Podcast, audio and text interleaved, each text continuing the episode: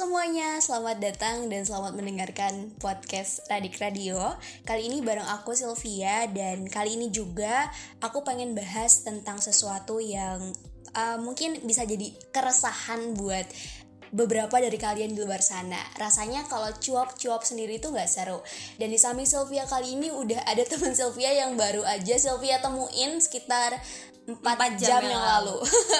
Boleh kenalin diri Hai, hai semuanya, kenalin aku Vika.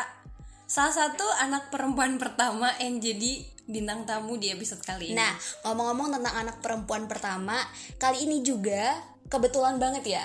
Oh pas banget. Kita mau bahas tentang anak perempuan pertama.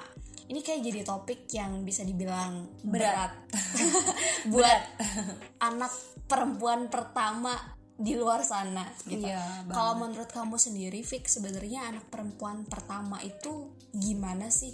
Menyenangkan tapi menantang karena semuanya, semua hal yang kita dapatkan tuh kita pertama kali yang dikasih dari orang tua kita.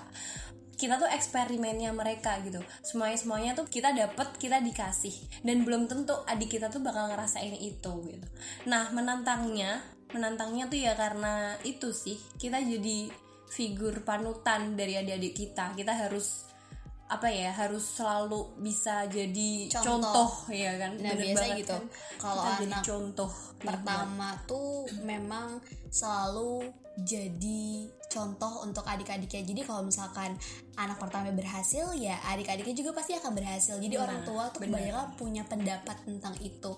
Tapi menurut kamu sendiri Fik pernah gak sih ngerasa tertekan sama hal itu. Jadi kayak gagal untuk memenuhi ekspektasi. Kan bisa dibilang itu ekspektasi kan ekspektasi yeah. orang tua hmm. yang dibangun dalam keluarga. Pernah gak sih ngerasa gagal terus kecewa terus apa yang dilakuin? Gagal tuh pasti pernah lah ya. Gagal tuh pasti pernah. Setelah gagal tuh kenapa? Ya jadinya kecewa. Habis kecewa ya udah ngerasa bersalah pasti. Apalagi tuh kan kayak udah harapan orang tua ke kita gitu loh. Terus ha harapan keluarga ke kita gitu. Terus nggak gagal jadi contoh buat adik-adik gagal nggak bisa menuhi ekspektasi itu.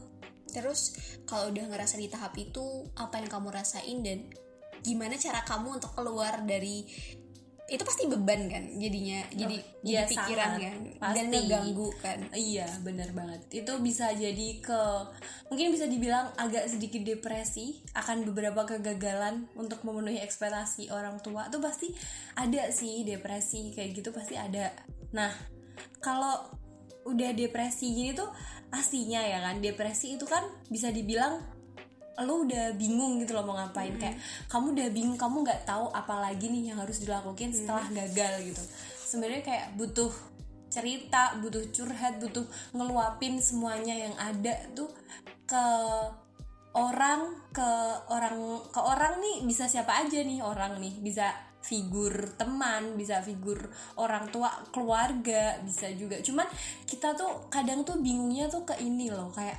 siapa yang pas buat kita ngeluapin semuanya gini. Iya sih, mungkin yang jadi salah satu bentuk depresi anak pertama itu selain memang dia punya tanggung jawab yang double gitu kan. -hmm. Kalau Vika tadi udah ceritain pengalaman yeah. Vika, mungkin yang banyak dirasain sama anak pertama adalah overthinking, terus ke depresi, terus kalau gagal ngerasa aku ini nggak bisa apa-apa. Iya, aku itu bener banget sih.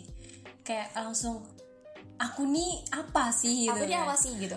Kayak kita cenderung anak pertama itu kan anak yang dianggap paling dewasa ya. Iya. Jadi kadang tuh sama ibu atau ayah itu saling dicurhatin lah gitu. Oh, sebagai iya. anak yang paling tua Bener. itu kayak diary. Terus kalau misalkan ada masalah di keluarga biasanya orang tua juga ceritanya ke anak pertama. Karena nggak mungkin gitu loh harus cerita ke adik Adiknya. yang pikirannya mungkin belum bisa untuk mencerna masalah itu hmm, gitu. Jadi beban yang buat kita tambah depresi lagi. Terus juga karena kita bingung tuh di keluarga mau cerita ke ibu ibu juga punya masalah mau cerita ke ayah ayah juga pusing sama kerjanya mau cerita ke adik adiknya juga masih kecil dan mereka nggak bisa tahu tentang masalah itu.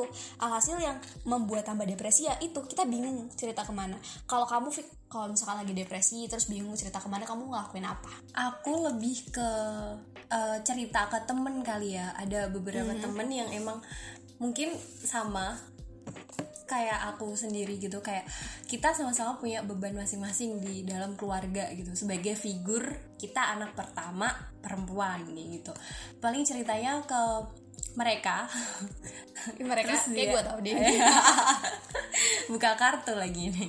Terus kalau nggak bisa juga tuh kalian nulis nulis di kertas. Hmm. ini kayaknya uh, udah banyak yang ngelakuin hal kayak gini. Cuman ini mempan banget sih. Di aku ngaruh banget.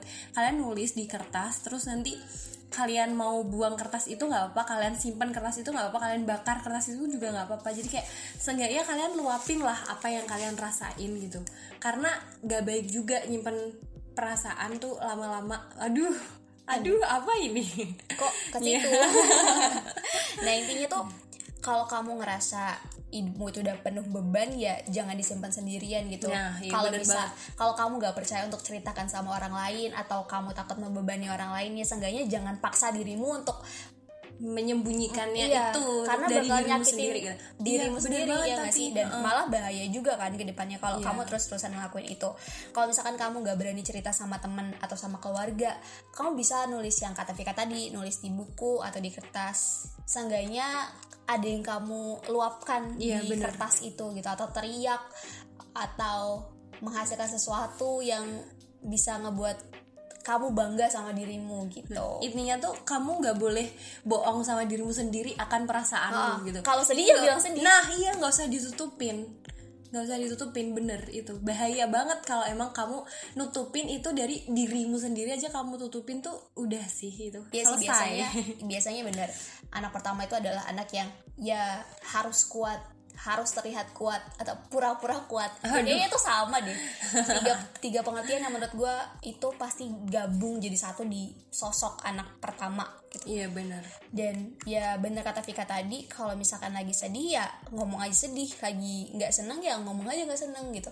Jangan pernah membohongi diri sendiri karena itu bakal berdampak negatif juga sama diri sendiri ya nggak sih? Iya sih banyak banyak banget dampak negatifnya kalau kamu ke dirimu sendiri aja tuh nggak bisa jujur gitu loh nggak hmm. bisa apa yang kamu rasain tuh ya ungkapin seenggaknya tuh sama dirimu lah kalau emang kamu nggak siap buat cerita ke orang lain atau kamu nggak nemu orang yang pas nih buat kamu ajak cerita ya udah karena pada akhirnya kan kita cuma punya diri kita sendiri Aduh. balik lagi ke diri kita sendiri dan rasanya kalau kita udah gak jujur sama diri kita sendiri itu sama aja kita bohongin diri kita sendiri dan nyakitin gak sih iya. ujungnya bener banget. Itu udah termasuk self harm kalau kalian apa ya nyakitin diri. Itu kan nyakitin diri sendiri dengan kamu pura-pura baik aja. Padahal aslinya tuh ya udah sih remuk asik.